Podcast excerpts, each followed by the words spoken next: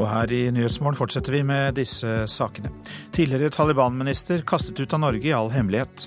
Frustrerte lærere beskylder Høyre for løftebrudd, krever at regjeringen griper inn i arbeidstidskonflikten. Obama frir til Afrika, toppmøte med nesten alle afrikanske ledere i Washington. Og um, vi skal høre at folk pynter på bildene sine før de legger dem ut på sosiale medier. Den tidligere Taliban-ministeren Abdul Rauf Mohammed er kastet ut av Norge. Det sier flere sentralt plasserte kilder til NRK. Myndighetene har tidligere ment at han var en fare for norske interesser, men for 14 år siden var det PST som presset på for å få Mohammed til Norge, ifølge kilder. Historien om Abdul Rauf Mohammed er både spennende og full av paradokser. Det er historien om hvordan norske hemmelige tjenester skal ha pressa på for å få Mohammed bosatt her, og det er historien om hvordan de samtidig importerte en mann som senere skulle bli betrakta som en av ideologene bak radikaliseringa av en rekke unge norske muslimer.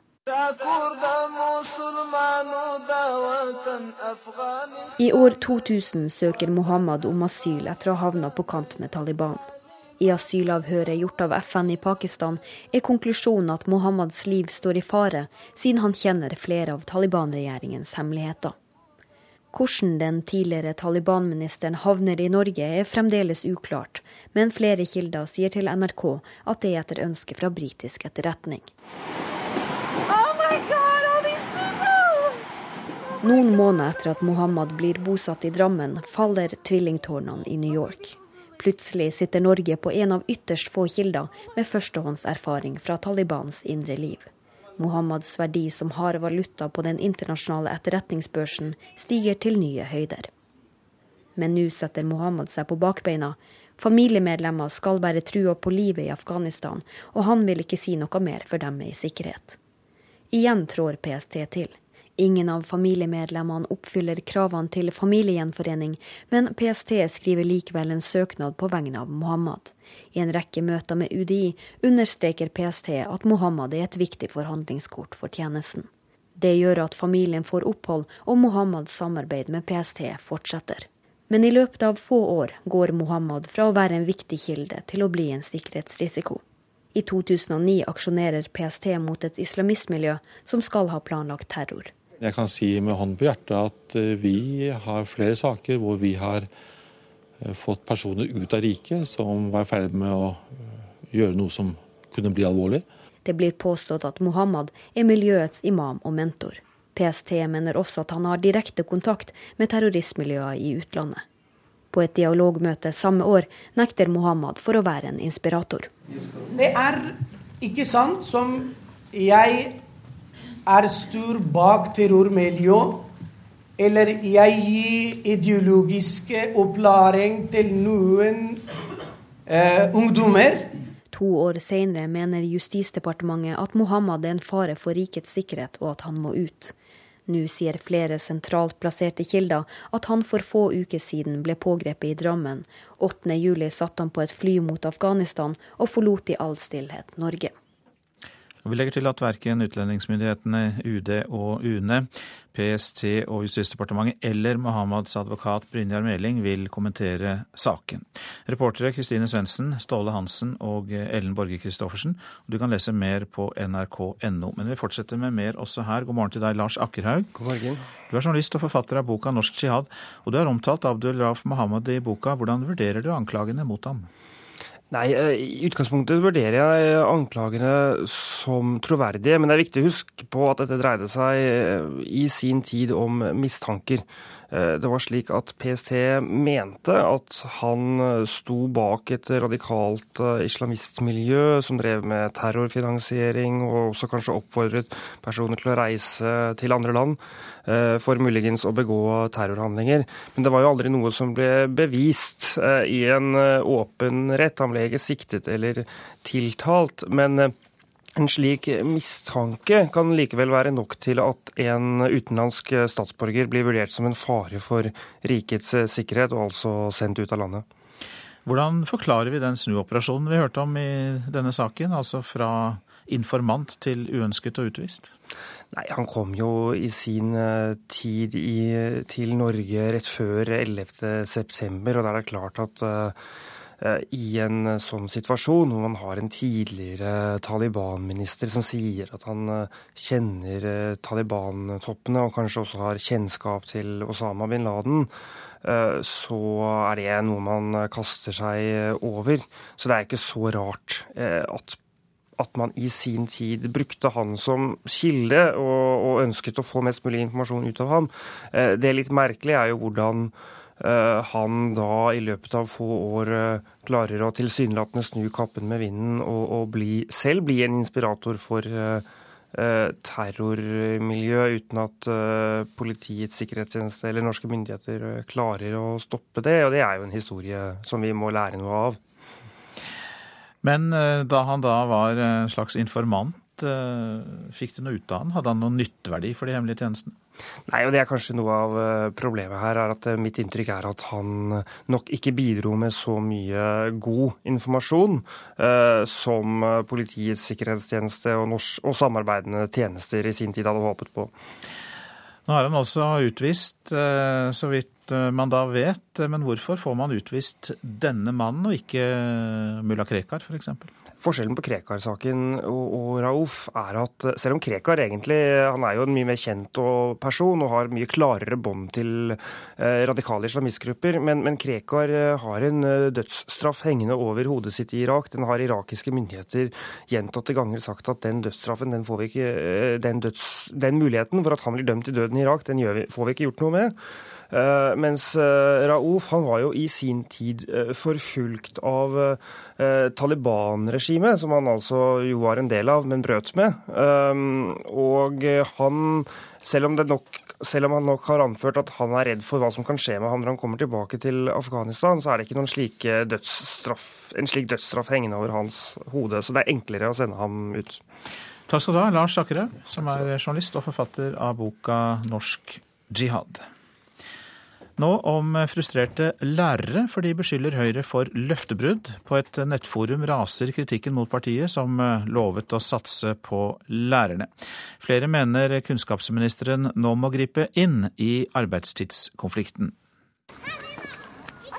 Full fart i skolegården på Gullskogen skole i Drammen. SFO har åpnet, men snart kan elevene stå uten tilbud. For en storstreik er under opprulling. I en aksjonsgruppe på Facebook angriper nå lærerne regjeringspartiet Høyre.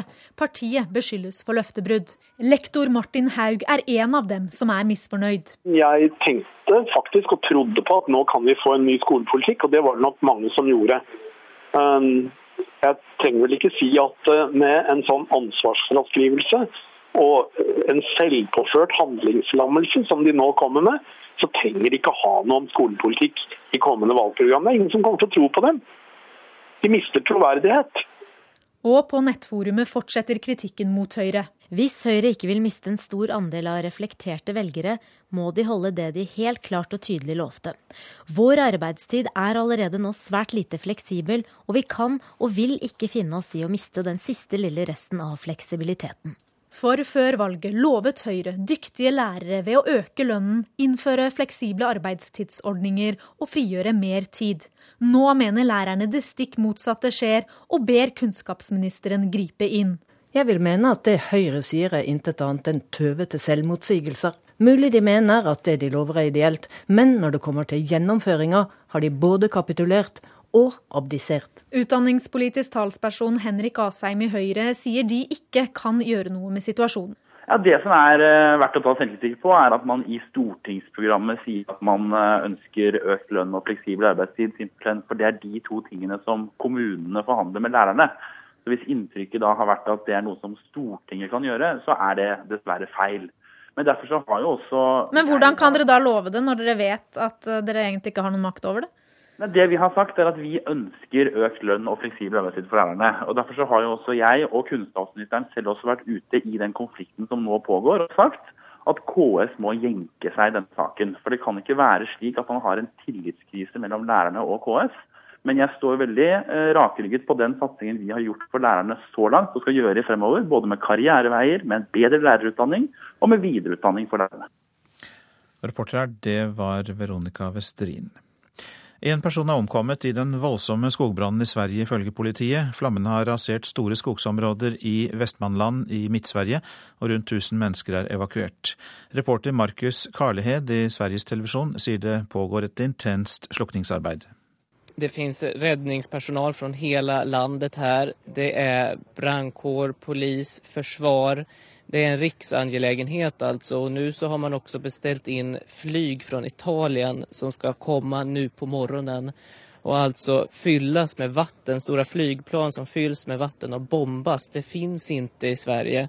Men det här håller på att bli en sån stor eh, her at man får ta til alle hjelpemidler som finnes. Man har jo også evakuert tre byer opp til tusen personer. Det gjorde man i går kveld.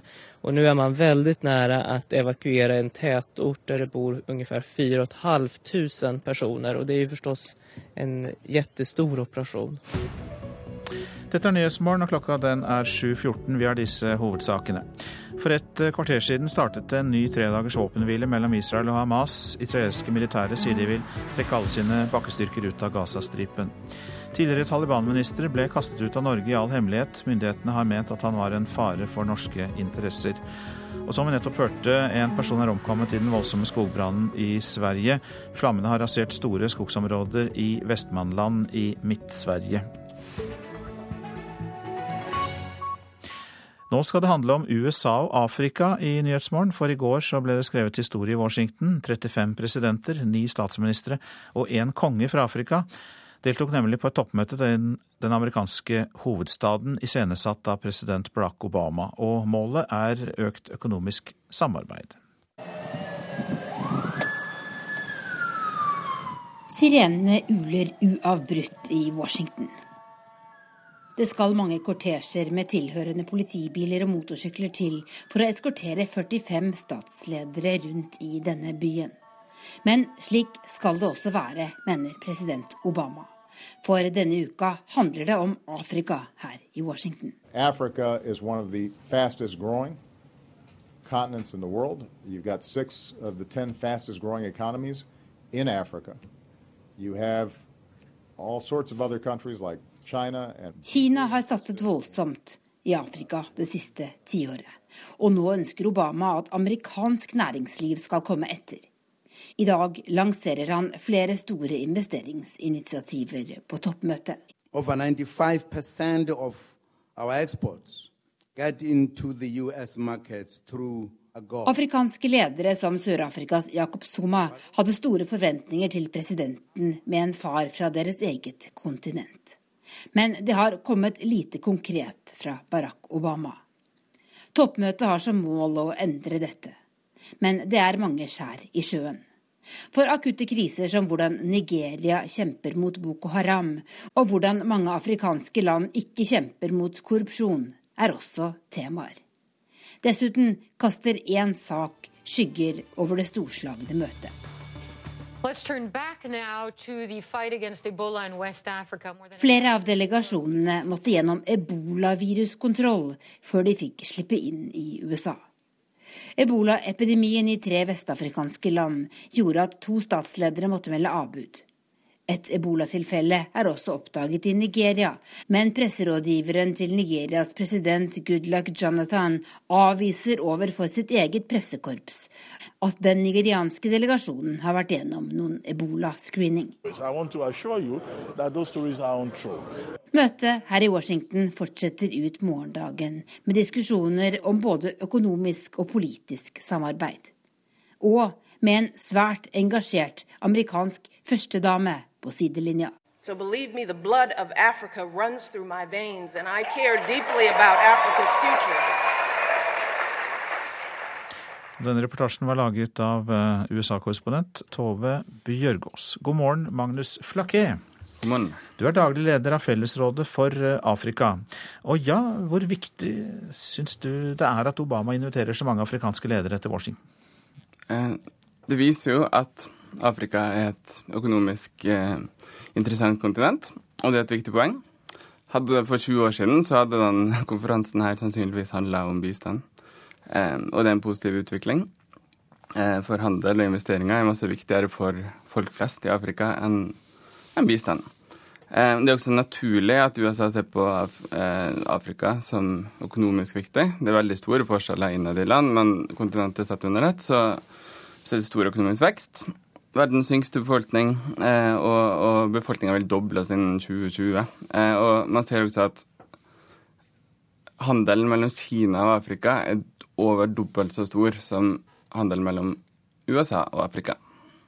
Så eh, det er vel noe som ligger i bakgrunnen her, nettopp dette med Kinas satsing på Afrika.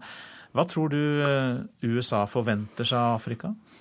Eh, Nei, det, det, som er kommet ut av det møtet her, jeg tror ikke det er så veldig masse konkret. Det er at det skal komme en del businessavtaler. Det blir lekt at ja, på rundt en milliard eh, dollar. Eh, og, men eh, det er lite sannsynlig at det kommer noen viktige reelle endringer. Eh, så det lukter litt symbolpolitikk eh, av det hele. Nå eh, var det jo eh, store forventninger til Barack Obama da han ble valgt, med hans eh, bakgrunn fra Afrika. Hvordan har han innfridd sånn sett? Det var helt vanvittige forventninger. Jeg var i Kenya rett før han ble valgt, og det var veldig store forventninger. Men forventningene var vel basert først og fremst på at han faktisk hadde afrikanske røtter. Eh, for det var aldri realistisk snakk om at Afrika skulle på toppen av prioriteringslista. Er veldig uklart hva Obamas ettermæle vil bli i Afrika. Han var på statsbesøk i Tanzania, Senegal og Sør-Afrika i fjor og annonserte en relativt stor satsing på energi som infrastrukturprosjekt. Um, men det er vel kanskje derfor han arrangerer den konferansen her. Så er det fire presidenter som da ikke har fått invitasjon. Altså Zimbabwes Robert Mugabe, Sudans Omar al-Bashir, Eritreas Isaias Afewoki og overgangslederen i Den sentralafrikanske republikk, Catherine Samba. Panza. Mm. Mm. Er det kontroversielt at disse fire ikke har fått eh, invitasjon? Eh, slike valg er alltid kontroversielle. Eh, men det er forståelig fra et menneskerettighetsperspektiv at de fire her ikke får delta. Men samtidig så er det uklart hvor man skal trekke grensene. For det andre Det er absolutt svin på skogen blant de som også er invitert. Ja. Og det er også spesielt kontroversielt at Mugabe ikke ble invitert, siden han er visepresident i Afrikansk union. Eh, så i afrikanske viser så er det blitt burde litt om at det kanskje på en måte blir en undergraving av, av den institusjonen. Men vi kan i hvert fall avrunde med å si at så mange afrikanske toppledere i Washington er en milepæl i forholdet mellom USA og Afrika. Det er første gang det er skjedd, så det er det. Ja. Takk skal du ha, Magnus Flakke, daglig leder av eh, Fellesrådet for Afrika. Afrika. Så tar vi med at uh, klokka sju norsk tid så startet det som etter planen skal bli en tre dager lang våpenhvile mellom Israel og Hamas. Begge sider har lovet å overholde våpenhvilen som er forhandlet fram med hjelp av regjeringen i Egypt. Samtidig melder israelsk radio at de israelske bakkestyrkene har oppnådd hovedmålet med krigen, nemlig å ødelegge alle tunneler de kjenner til fra Gazastripen og inn i Israel. Israelske militære sier de vil trekke alle sine bakkestyrker ut av eh, Gazastripen. Så var det avisene, da. Og vi går eh, først til Klassekampen. Leder av Politiets Fellesforbund, Sigve Bolstad, sier nemlig til dem at eh, et økt trusselnivå i Norge er et godt argument for generell bevæpning av politiet. Bolstad har notert seg at kriminaliteten stupte i hovedstaden helgen etter at væpnet politi ble sendt ut i gatene. USA lagrer stridsvogner i norske fjell, skriver Adresseavisen. Lastebiler og personellkjøretøyer i fjellager i Midt-Norge skiftes nå ut med tungt amerikansk stridsmateriell. Styrking av de fremskutte lagrene i Norge kan ha sammenheng med konflikten i Ukraina, sier NUPI-forsker Ståle Ulriksen. Skatteforliket fra 2004 har fått en hellig verdi, som om det var året Jesus ble født. Ja, det sier SVs Snorre Valen til Dagsavisen. Han krever svar fra Arbeiderpartiet om skattenivået. Det er uaktuelt for SV å støtte en politikk der skattenivået ligger fast, sier Valen. Seks av ti gutter med bakgrunn fra ikke-vestlige land fullfører ikke videregående skole, skriver Aftenposten. Men det skyldes foreldrenes utdanningsnivå og inntekt, ikke etnisitet, ifølge forskere. Satsingsvilje smitter blant bønder i Sør-Norge, kan vi lese om i Nasjonen. I Kvinesdal og Hegebostad i Vest-Agder investerer bønder for 60-70 millioner kroner, og mange prosjekter er i startfasen. Vi må enten investere eller la landbruket dø ut, sier den unge bonden Ola Hobbesland til avisa. Slutt å utvide flyplasser, sier lederen av Fremtiden i våre hender til Vårt Land. Arild Hermstad sier flyreiser står for 10% av norske klimautslipp, og at trafikken fra norske flyplasser økte med 4% bare første halvår. Føflekkreft eh, firedoblet siden 1970. Norge er i verdenstoppen. I VG kan vi lese om faresignalene og hvordan vi beskytter oss. Drama i kulissene om Petter Northug, skriver Dagbladet. Ifølge avisa brygger det opp til bråk mellom hans hovedsponsor Coop og Norges Skiforbund. For Petter Northug får ikke en skreddersydd spesialavtale med Skiforbundet i år. Rykket ut med sirener for å feire bryllup. Nordlys forteller om oppvask etter at ambulansepersonell la ut på brudeferd med blålys gjennom Lyngseidet for å feire en kollega som skulle gifte seg. Seks av ti nordmenn retusjerer og pynter på bilder av seg selv før de postes på sosiale medier. Og apper som gir finere hud og hvitere smil på bildene, ligger på nedlastningstoppen. Det er synd hvis folk skammer seg over utseendet sitt, sier forfatter av en kommende bok om billedretusjering. Vi gjør det jo fordi vi er menneskelige. Alle har lyst til å være en bedre utgave av seg selv. Alle, alle, mennesker har problemer, alle har skavanker de skulle ønske ikke var der. Og når det er så tilgjengelig, å fjerne dem, så tror jeg veldig mange dessverre faller for fristelsen. Sier Oda Faremo Lindholm, journalist og nå forfatter av den kommende boka 'Bullshit-filteret', hvor hun er kritisk til bilderetusjering. Altså endring av bilder vi legger ut på sosiale medier. Altså, det er jo utrolig synd hvis folk går rundt og skammer seg og er lei seg fordi de ikke ser ut slik de tror de bør. En ny undersøkelse gjennomført av analysebyrået Yougov viser at seks av ti nordmenn retusjerer, altså endrer bildene av seg selv, før de postes på sosiale medier. Dette gjør de ved å justere lyssetting og legge på filter, som er en vanlig funksjon i bildetjenesten Instagram. Så der er det jo ikke så overraskende at det drar opp snittet, men seks av ti betyr jo også at man gjør det i veldig mange andre flater òg, da. For i tillegg finnes det flere populære mobilapper hvor man ved enkle grep kan få hvitere tenner, renere hud og vakrere øyne. En av disse appene, kalt FaceTune, er den fjerde mest populære for iPhone-brukere i Norge nå. Det er jo igjen noe som man finner fra magasinkulturen. Det med å liksom gjøre øynene dine hvitere, tennene dine hvitere, kinnene dine rødere. At du er litt mer sånn ungdommelig da, i måten du fremstår. Uh, og det er jo kunstig. Alt er jo kunstig, og det er jo det som er problemet her. Hei, jeg kommer fra NRK Radio. Kan jeg stille et kjapt spørsmål? Vi får spørre noen folk på gata selv, da. Når du legger ut bilder på sosiale medier, ja. pleier du å redigere mye på de da? Veldig sånn fargetoner og sånn, egentlig. Når dere legger ut de bildene, pleier dere ofte å redigere litt på de og sånn? Ja, litt. Hvorfor gjør dere det? Hvorfor endrer dere på bildene? For det ser kanskje litt finere ut, da. Man føler seg kanskje litt finere med en annen effekt. Men Er det viktig å se bra ut på, på sosiale medier? kanskje litt. Hvorfor det? For det så mange som kan se deg der. ja, og det var eh, Christian Ingebretsen som møtte folk i farta og snakket om bilderetusjering. Flere og flere barn trenger fosterhjem i Norge, det sier avdelingsleder for fosterhjemsrekrutteringen i Telemark, Kari Honerød.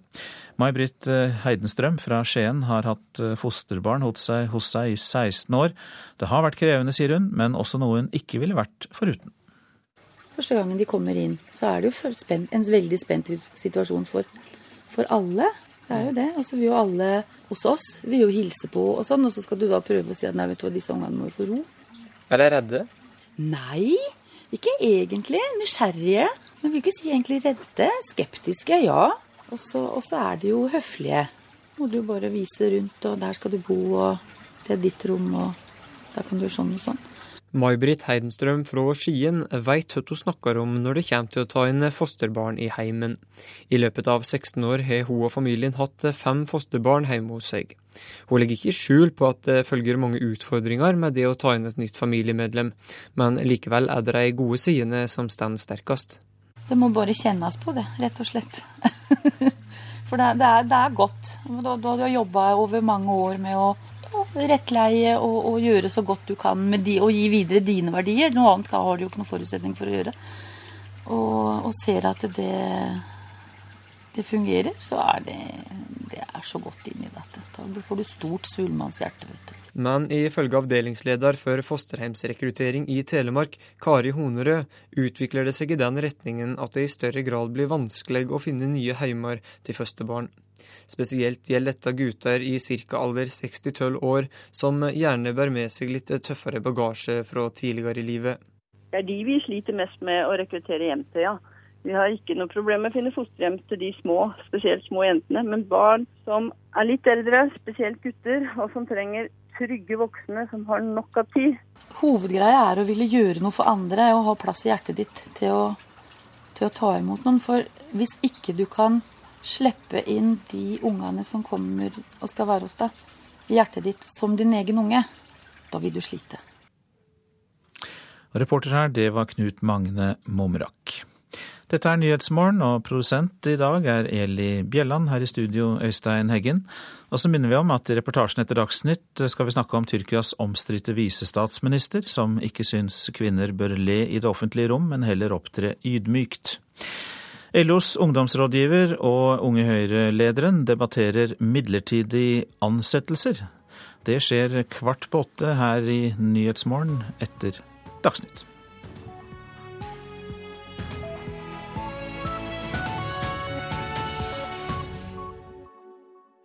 Sommer i P2. Jeg heter Jon Ståle Ritland og er øyelege i Ålesund. I Sommer i P2 i dag skal jeg lese noen dikt jeg har skrevet om anatomi, og om min favorittidrett tennis. Sommer i P2. Kjente stemmer inviterer deg nærmere. I dag klokken ti.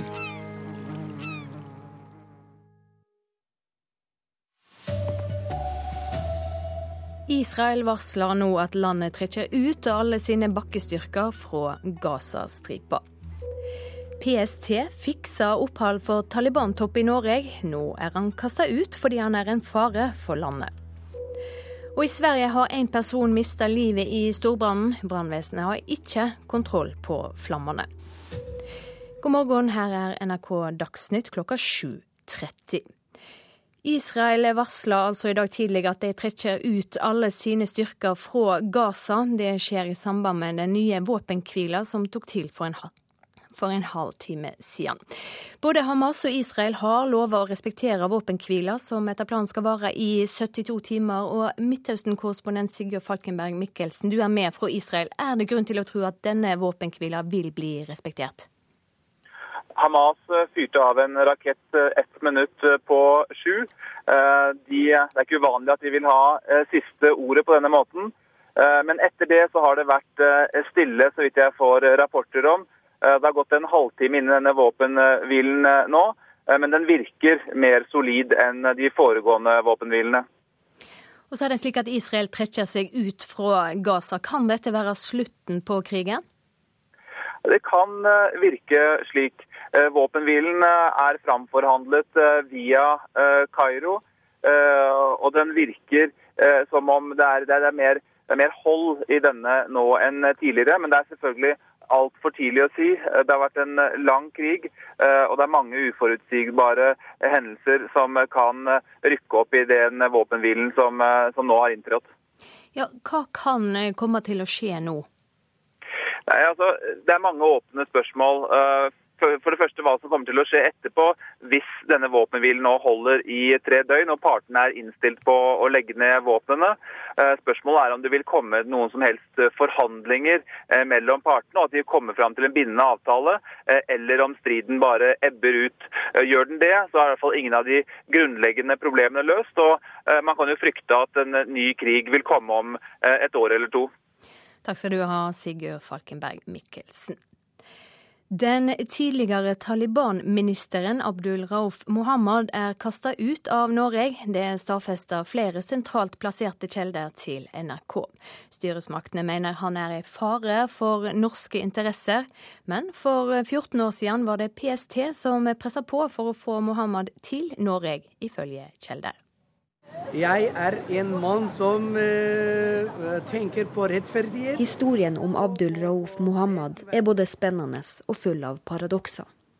Det er historien om hvordan norske hemmelige tjenester skal ha pressa på for å få Mohammed bosatt her, og det er historien om hvordan de samtidig importerte en mann som senere skulle bli betrakta som en av ideologene bak radikaliseringa av en rekke unge norske muslimer. I år 2000 søker Mohammed om asyl etter å ha havna på kant med Taliban. I asylavhøret gjort av FN i Pakistan sies det at Mohammeds liv står i fare, siden han kjenner flere av Taliban-regjeringens hemmeligheter. Ifølge NRKs kilder setter PST et hardt press på UDI for å få Mohammed til Norge, etter ønske fra britisk etterretning. Noen måneder etter at Mohammed blir bosatt i Drammen, faller tvillingtårnene i New York. Plutselig sitter Norge på en av ytterst få kilder med førstehåndserfaring fra Talibans indre liv. Mohammeds verdi som hard valuta på den internasjonale etterretningsbørsen stiger til nye høyder. Men nå setter Mohammed seg på bakbeina. Familiemedlemmer skal være trua på livet i Afghanistan, og han vil ikke si noe mer før de er i sikkerhet. Igjen trår PST til. Ingen av de fire oppfyller kravene til familiegjenforening, men UDI gir opphold. Men i løpet av få år går Mohammed fra å være en viktig kilde til å bli en sikkerhetsrisiko.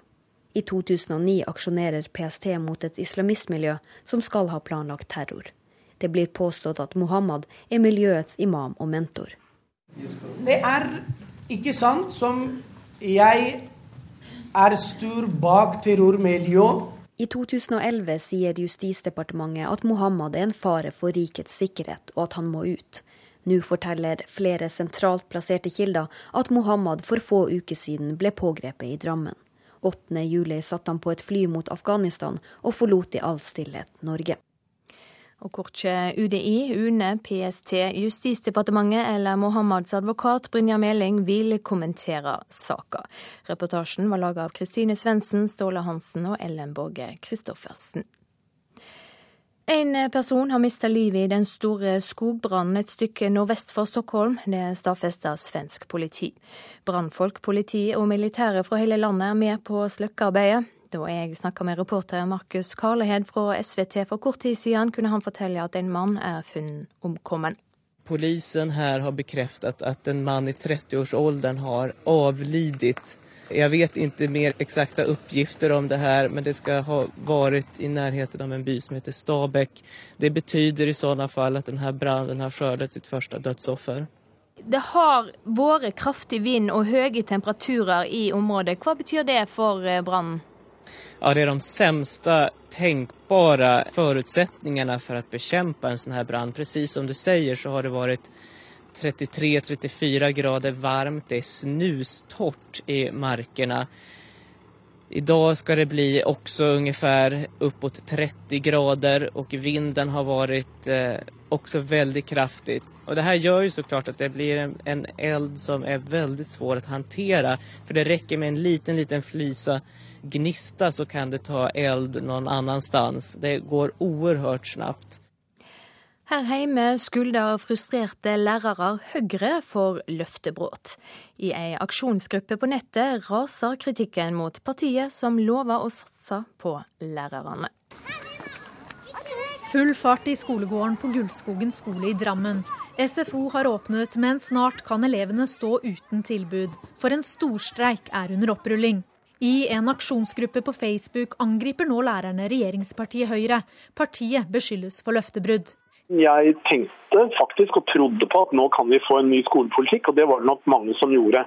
Lektor Martin Haug er en av dem som er misfornøyd. Jeg trenger vel ikke si at eh, med en sånn ansvarsfraskrivelse og en selvpåført handlingslammelse som de nå kommer med, så trenger de ikke ha noe om skolepolitikk i kommende valgprogram. Det er ingen som kommer til å tro på dem. De mister troverdighet. For før valget lovet Høyre dyktige lærere ved å øke lønnen, innføre fleksible arbeidstidsordninger og frigjøre mer tid. Nå mener lærerne det stikk motsatte skjer, og ber kunnskapsministeren gripe inn. Utdanningspolitisk talsperson Henrik Asheim i Høyre sier de ikke kan gjøre noe med situasjonen. Ja, Det som er uh, verdt å ta selvkritikk på, er at man i stortingsprogrammet sier at man uh, ønsker økt lønn og fleksibel arbeidstid, simpelthen for det er de to tingene som kommunene forhandler med lærerne. Så Hvis inntrykket da har vært at det er noe som Stortinget kan gjøre, så er det dessverre feil. Reporter Veronica Westrin. Norge sender hele 40 utøvere til Europamesterskapene i friidrett i Zürich, som starter neste uke. Her er friidrettspresident Svein Arne Hansen. Så vidt jeg har fått opplyst, så er det den største troppen vi har hatt uh, noensinne i EM. Hele 40 utøvere skal forsvare Norges ære under friidretts-EM i Zürich i neste uke. Så eh, vi har gode håp om en del medaljer. Reporter Henrik Agledal. Seks av ti nordmenn retusjerer og pynter på foto av seg sjølve før de blir posta på sosiale medium. Synd, mener forfatteren av ei kommende bok om bilderetusjering. Altså, det er jo utrolig synd hvis folk går rundt og skammer seg og er lei seg fordi de ikke ser ut slik de tror de bør. Sier Oda Faremo Lindholm, journalist og nå forfatter av den kommende boka 'Bullshit-filteret'. En ny undersøkelse gjennomført av analysebyrået Yougov viser at seks av ti nordmenn retusjerer, altså endrer bildene av seg selv, før de postes på sosiale medier. Dette gjør de ved å justere lyssetting og legge på filter, som er en vanlig funksjon i bildetjenesten Instagram. Så der er det jo ikke så overraskende at det drar opp snittet, men seks av ti betyr jo også at man gjør det i veldig mange andre flater òg, da. For i tillegg finnes det flere populære mobilapper hvor man ved enkle grep kan få hvitere tenner, renere hud og vakrere øyne. Når dere legger ut de bildene, pleier dere ofte å redigere litt på de og sånn? Ja, litt. Hvorfor gjør dere det? Hvorfor endrer dere på bildene? For det ser kanskje litt finere ut, da. Man føler seg kanskje litt finere med en annen effekt. Men er det viktig å se bra ut på, på eh, sosiale medier? kanskje litt. Reporter Christian Ingebretsen. Ansvarlig for Dagsnytt Gro Arneberg, tekniker Frode Thorshaug. Her i studio Silje Sande.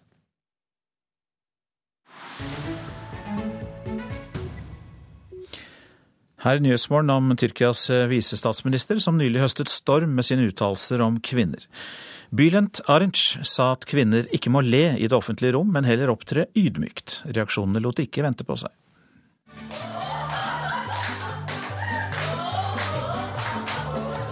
Det kan bli slutt på latteryoga ved Bosporus for visestatsministeren det som han vil. Denne veka kom han med en tordentale om moralen til tyrkiske kvinner. Erkek de olacak, zampara olmayacak, eşine bağlı olacak, çocuklarını sevecek. Kadınsa o da iffetli olacak. Kvinner må være seg bevisste hva som er lov i islam. De skal ikke le høyt offentlig, og bevege seg på en beskjeden måte. Visestatsminister Arinj Bylent mener også at kvinner ikke bør reise på ferie uten følge av ektemannen. Talen førte til storm på sosiale medier i Tyrkia denne veka. På Instagram og Facebook har kvinner posta smilende bilder av seg sjøl. Men det er ikke nok, mener Kanan Arin fra Mor Kati, en organisasjon som driver krisesenter for kvinner i Tyrkia. Det var bra at kvinnene gjorde narr av visestatsministeren på Twitter, men det er ikke nok.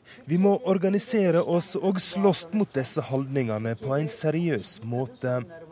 Hver dag er fem kvinner drepne i Tyrkia. Vi er et land som har store problemer med vold i heimen, og da er det trist at vi må bruke energi på å svare på slike dumme kommentarer, sier hun til nyhetsbyrået Ap. 8. august, to dager før presidentvalget, er det tillyst en latterprotest i sentrale Istanbul. For Kanan Arin forteller kvinner i Tyrkia nå er redde for å bli marginaliserte. Regjeringa prøver å innføre wahhabismen fra Saudi-Arabia. De prøver å usynliggjøre kvinner og hindre dem å ta del i den offentlige debatten.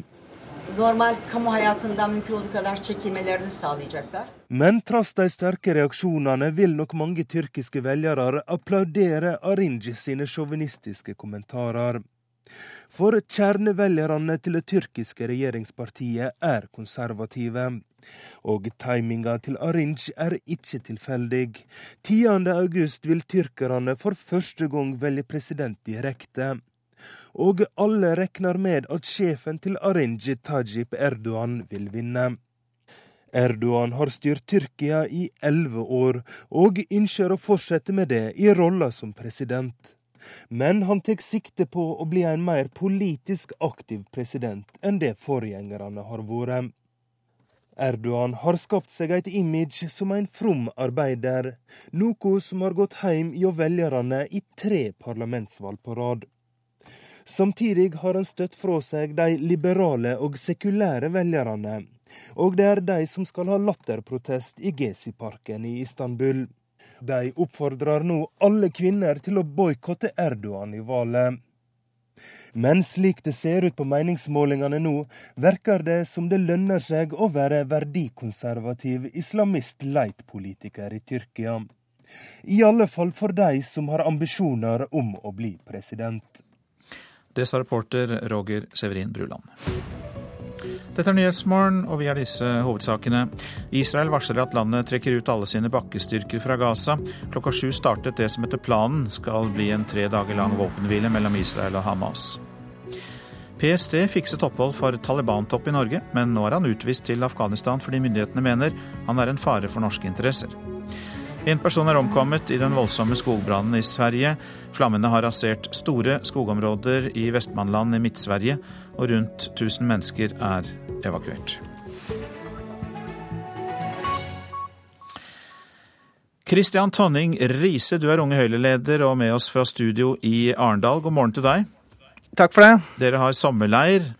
Og vi sier også god morgen til ungdomsrådgiver i LO, Kent Rune Pedersen, som er langt nærmere meg da, her i studio i Oslo. God morgen. Takk for det. Først til deg, Tonning Riise. Du om bukt, snakket om å få bukt med arbeidsledigheten i din tale til sommerleiren i går, og brukte pinglete mm. om regjeringens forslag om å gi bedrifter mulighet til å ansette folk midlertidig i ett år. Hvorfor i all ja. verden er det pinglete? Nei, altså Jeg brukte ikke akkurat det i talen, men jeg har jo sagt det før. At jeg syns at, eh, at, det forslaget som, som, Robert Eriksson la fram, var ganske forsiktig. hvor Han foreslo en eh, generell adgang på midlertidige ansettelser på, på ett år.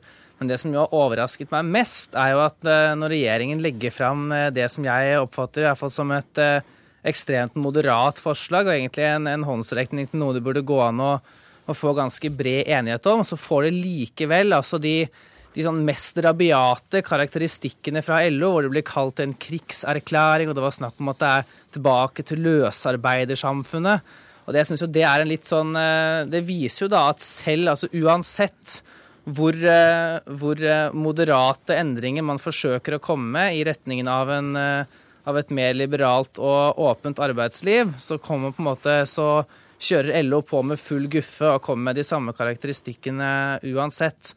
Og da tenker jeg jo at eh, da kunne jo like så godt eh, regjeringen egentlig bare kjørt på, på, enda litt mer og gjort det som jeg mener de burde gjøre, som er å gå enda lenger og åpne for midlertidige ansettelser over en lengre periode enn det som de har foreslått nå i første omgang. Kent Rune Pedersen fra LO, rabiat eller moderat? Jeg vil jo si at, uh, det, at kanskje vi må begynne å tenke litt på hva det innebærer å være midlertidig ansatt. Uh, vi har et lovverk i dag som fungerer ganske bra. Den åpner for midlertidige ansettelser. Vi har mye midlertidige ansettelser i Norge da. Vi har også behov for vikarer og lærlingplasser og, og, og sånne korttidskontrakter. Det det handler om, det er jo å åpne en generell liberalisering av det, av det allerede nåværende, nåværende lovverk som ligger til grunn. Og det innebærer egentlig at uh, du får ikke flere inn i fast jobb. Det handler om at midlertidige uh, stillinger blir med fast, uh, altså faste stillinger blir erstatta med midlertidige stillinger. Du får ikke flere inn i jobb. Vi har ikke flere arbeidsplasser. Vi har ikke flere trygghet. Og det, og det de legger til grunn, det er jo akkurat det her med at vi, vi må ta vare på de, de, som står på utsiden. Og det er jo helt klart at vi skal ta vare på de, men da må vi prøve oss å skape flere arbeidsplasser og ikke, mere, og ikke gå løs på arbeidsvernet til arbeidstakerne. Da kan vi diskutere næringspolitikk, vi kan godt diskutere det, men ikke tull med, eh, med, med stillingsvernet til arbeidsfolk. Det er det det handler om. Jeg skal stille et, et spørsmål til til Pedersen før du får, får ordet, Tonning Riise. Men et poeng, her, et poeng her, Pedersen, er vel at man da ønsker å senke terskelen for den første inntreden i yrkeslivet. Og det må jo være positivt? At det, kan skje som midlertidig? Ja, altså helt klart uh, at det er, kan skjenke terskelen for å komme inn, men det er også en ganske lett vei ut. Uh, det å ha midlertidige stillinger er kanskje en lett vei å komme inn, men det er også en lett vei å komme ut. Det er en uforutsigbar arbeidssituasjon ungdommen vil møte oss på, og de bruker ungdom. Først så brukte de eh, folk, eh, høyresida brukte argumentasjoner om at de med eh, nedsatt funksjonsevne var en mulighet, måte, mulighet, for dem å komme inn. Det ble avkrefta av deres organisasjon, og nå bruker de da ungdom. Og vi ser at det er ungdom ungdom som blir skyvet foran seg hele tiden, mens istedenfor at de kan helt være ærlige og si at dette er bestillingsverk for arbeidsgiverne og ikke ungdommene. Her er mye å ta fatt i, Tanning Riise. Ja, dette syns jeg er en sånn oppsiktsvekkende argumentasjon. Fordi de sier Det er ikke snakk om å skyve noen foran seg. Det er jo en løsning nettopp for disse gruppene for at de skal få en, eh, en inntreden i arbeidslivet. Og LO svarer jo hver gang vi tar opp dette at løsningen er, er fast jobb og kommer med de hardeste karakteristikkene mot midlertidige ansettelser. Men det er, jo, det er jo bemerkelsesverdig å merke at de jo ikke har kommet med noen løsninger selv på hvordan man kan få bl.a. flere unge inn i jobb eller få flere funksjonshemmede inn i jobb. Når man har spurt nettopp næringslivet hva de mener vil være de beste løsningene for å få flere eh, av disse gruppene og, og andre inn i arbeidslivet, så er det jo nettopp midlertidige ansettelser som, eh, som, er en av tiltakene de trekker fram. Da Hanne Bjurstrøm eh, var arbeidsminister og satte ned et, et utvalg som skulle, som skulle, komme med anbefalinger på hvordan man kunne få flere funksjonshemmede inn i arbeidslivet, så var et av forslagene deres midlertidige ansettelser. Men det ble stoppet fordi egentlig LO var den eneste i det utvalget som var mot. Eh, Virke har, eh, har, kommet med en undersøkelse hvor de sier at midlertidige ansettelser er første steget mot fast jobb. Statistisk sentralbyrå har sagt at midlertidige ansettelser er et springbrett eh, til faste stilling, særlig blant lavutdannede og blant ungdom. Så det er jo stort sett egentlig bare LO og de rød-grønne som mener at, at, dette er en dårlig idé. Og da mener jeg at istedenfor å komme med sånn harde karakteristikker om at dette er å skyve andre foran seg, så bør man erkjenne at dette faktisk er et seriøst forslag som mange støtter. Og det er et forslag som er ganske bred enighet om at vil føre til at flere ungdom kommer eh, inn i arbeidslivet. Og når du... man da har en ungdomsledighet som er på i Norge da, som er tre ganger så høy Uh, enn eh, en for resten av befolkningen. Så syns jeg må man komme med noen alternativer. Nå lurer jeg på hva er det LO vil ha istedenfor, siden de er så ekstremt mot dette forslaget? Det, det, skal vi spørre Pedersen om, men helt kort eh, til deg, Tonning Riise først. Det er jo noe fundamentalt i norsk arbeidsliv, nemlig trygghet for arbeid. Og her starter dere kanskje med å bryte det prinsippet som har vært så viktig i mange år? Nei, jeg tror det alle er enige om at, om at hovedregelen skal være fast jobb i Norge. Og dette, ikke, og dette, vil ikke, endre på det, men det vil sørge for at, eh, at det er eh, flere, blant Uh, unge under, under, 25 år, bl.a. en del uh, folk med nedsatt funksjonsevne som ikke får den sjansen de trenger. Folk som, har, en, uh, som har lav utdanning, f.eks. Dette er grupper som sliter med å komme inn på arbeidslivet, fordi arbeidsgiver må ta en ganske stor risiko med å ansette dem når vi har et arbeidsliv som er såpass såpass skjermet som det, er, eh, som det, er, i dag. Og Da vil midlertidige ansettelser sørge for at flere av disse får en sjanse innenfor. Og Jeg syns at, eh, at LO må forholde seg til at det er til enhver tid en trade-off mellom hvor trygt og skjermet man kan gjøre arbeidslivet for de som er innenfor, uten at det får ganske store konsekvenser for de som er utenfor. Man kan ikke både si at man hele tiden skal ønske å gjøre mm. arbeidslivet mer regulert, mer skjermet, og samtidig si at man skal gjøre det mer lett eh, for de som er utenfor å komme inn. Fordi her er det en trade-off som man hele tiden må vurdere. Det skjønner vi, det er ditt argument, eh, Tonning Riise. Og her fikk vi å høre, Pedersen, at det gir muligheter til mange flere, ikke bare unge arbeidstakere, men også funksjonshemmede. Altså muligheten til å komme inn. Det er det det koker ned til her. Altså, han sier at vi, eh, han møter bare motstand fra oss. Det er bare tull. Det, er, det viser seg at han ikke helt har fulgt med i hele debatten. LO har vært der og diskutert eh, om eh, det her med arbeidsmarkedstiltak. Vi har vært der i, i prosessen med Robert Eriksson også nå, med eh, en forbedring av IA-avtalen, som sørger for at du får beholde folk i jobb, og folk som kanskje sliter å komme i jobb. Så at vi ikke har kommet med ting i den debatten her, det er bare tull. Når det er sagt, det jeg prøver å si, at vi kan godt eh, Og så syns jeg også, det må jeg også si, så jeg synes det også er litt merkverdig da, at man snakker om at det er vi At, eh, at man snakker om hvorfor ungdom har arbeidsledigheten har økt så veldig mye. Når du sitter der og representerer også på mange områder den største partiet i regjering, som har nå tulla med permitteringsreglene, som arbeidsgiveren sjøl har sagt at vi må si opp. Hvem er det som blir sagt opp? Det er de med minst ansiennitet. De blir nå sagt opp på nedgangsturer fordi de har ikke råd til å permittere lenger. Og Det er da ungdommen som blir da første ut, og så skal de da få et tilbud tilbake med at nei, nå skal du jobbe på midlertidige kontrakter. Du tuller jo med hele tryggheten til ungdommen framover her. Jeg kan godt svare på akkurat det, det poenget. og det er litt sånn hvis, hvis LO ønsker å gjøre noe med at det er de med lavest ansiennitet eh, som, eh, som, ofte forsvinner først når bedrifter må skjære ned. Så må de begynne å gjøre noe med stillingsvernet for de som har høyere ansiennitet. Men det tror jeg ikke akkurat er det, det LO vil gjøre. Det er jo gjerne sånn at grunnen til at det er de som har vært kortest tid i en bedrift, er de som også forsvinner fortest ut, er jo fordi det er de som har, har minst rettigheter fra før av. Så her er jo igjen et eksempel på at, eh, at, man, at dess mer trygghet man gir en gruppe, dess mer usikkerhet vil man også gi i en annen gruppe. Og man kan ikke, man kan ikke gjøre begge deler på en gang. Og så syns jeg at LO da må begynne å forholde seg til at vi faktisk er eh, det norske folk faktisk har stemt fram eh, tidenes blåste storting i Norge. De har stemt fram eh, tre partier som har foreslått ganske som, som, ønsker det, det mer liberalisering av arbeidslivet. Og da, da mener jeg at, at da kan det ikke være sånn at hvis man foreslår ganske forsiktige forslag på liberaliseringstiltak, som faktisk er det norske folk har stemt for, så bør man ikke møte alt det med den samme harde, harde retorikken, men faktisk gå i dialog og finne løsninger. Det er sekunder igjen til Pedersen til å svare på dette, nemlig at dere ikke forholder dere til de realitetene at vi har den regjeringen vi har og det flertallet vi har på Stortinget. Ja, jeg vil, ikke kalle fem år i midlertidig ansettelse forsiktig forslag, men eh, det er for så vidt greit. Eh, men stillingsvernet, det må være sterkt. Det er det som får folk eh, i trygghet. Det er det som også får effektiviteten kontinuiteten i arbeidet til å fungere. Det handler om samspill med arbeidstaker og arbeidsgiver. Her handler det om å være trygg. Her handler det om å levere varer. Vi eksporterer masse varer, og vi trenger å være trygge, alle arbeidsfolk. Og Da skal vi finne andre typer tiltak for å få ungdom inn i arbeid. Mange takk skal dere ha. Kent Rune Pedersen, som du nettopp hørte der, fra ungdomsrådgiver i LO, og Christian Tonning Riise fra studio i Arendal, unge Høyre-leder. Sommerpraten i dag er med en nybakt far som eh, også sitter i regjering.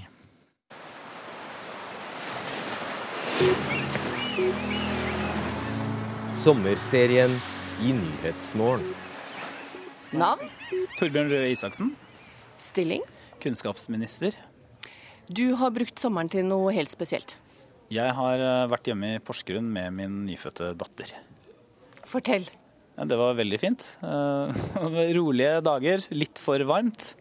Uh, og bitte litt tid til å lese og grille også, så det var fint. Men uh, hvis du skulle be med deg noen du ikke kjenner på en kurv jordbær, hvem skulle det bli? Da ville jeg bedt med meg forfatteren Mario Vargas Låsa, for han liker jeg veldig godt. Hva er bra med han? Han skriver fantastisk vakre bøker. Så har han to veldig gode oversettere i Norge også. Det ekte paret. Nå husker jeg ikke hva det heter, men de er veldig flinke. Syns du at det burde være lov å ta seg et øl eller et glass vin i parken? Ja, jeg syns det burde være lov å ta seg en øl eller et glass vin. Så hvis man blir eh, full, så får man heller eh, bli bortvist da.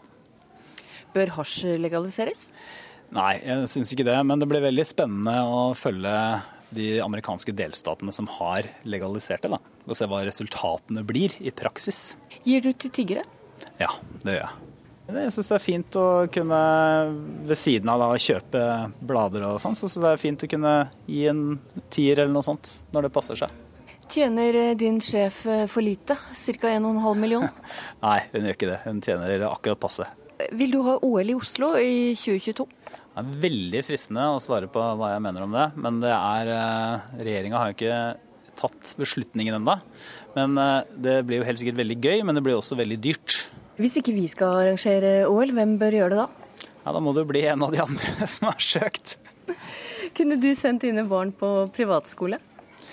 Kunne, eh, det kunne jeg helt sikkert. og Det er veldig mange gode privatskoler. Men eh, jeg har gått på offentlig skole selv, og da har jeg egentlig tenkt at det er det mest naturlige.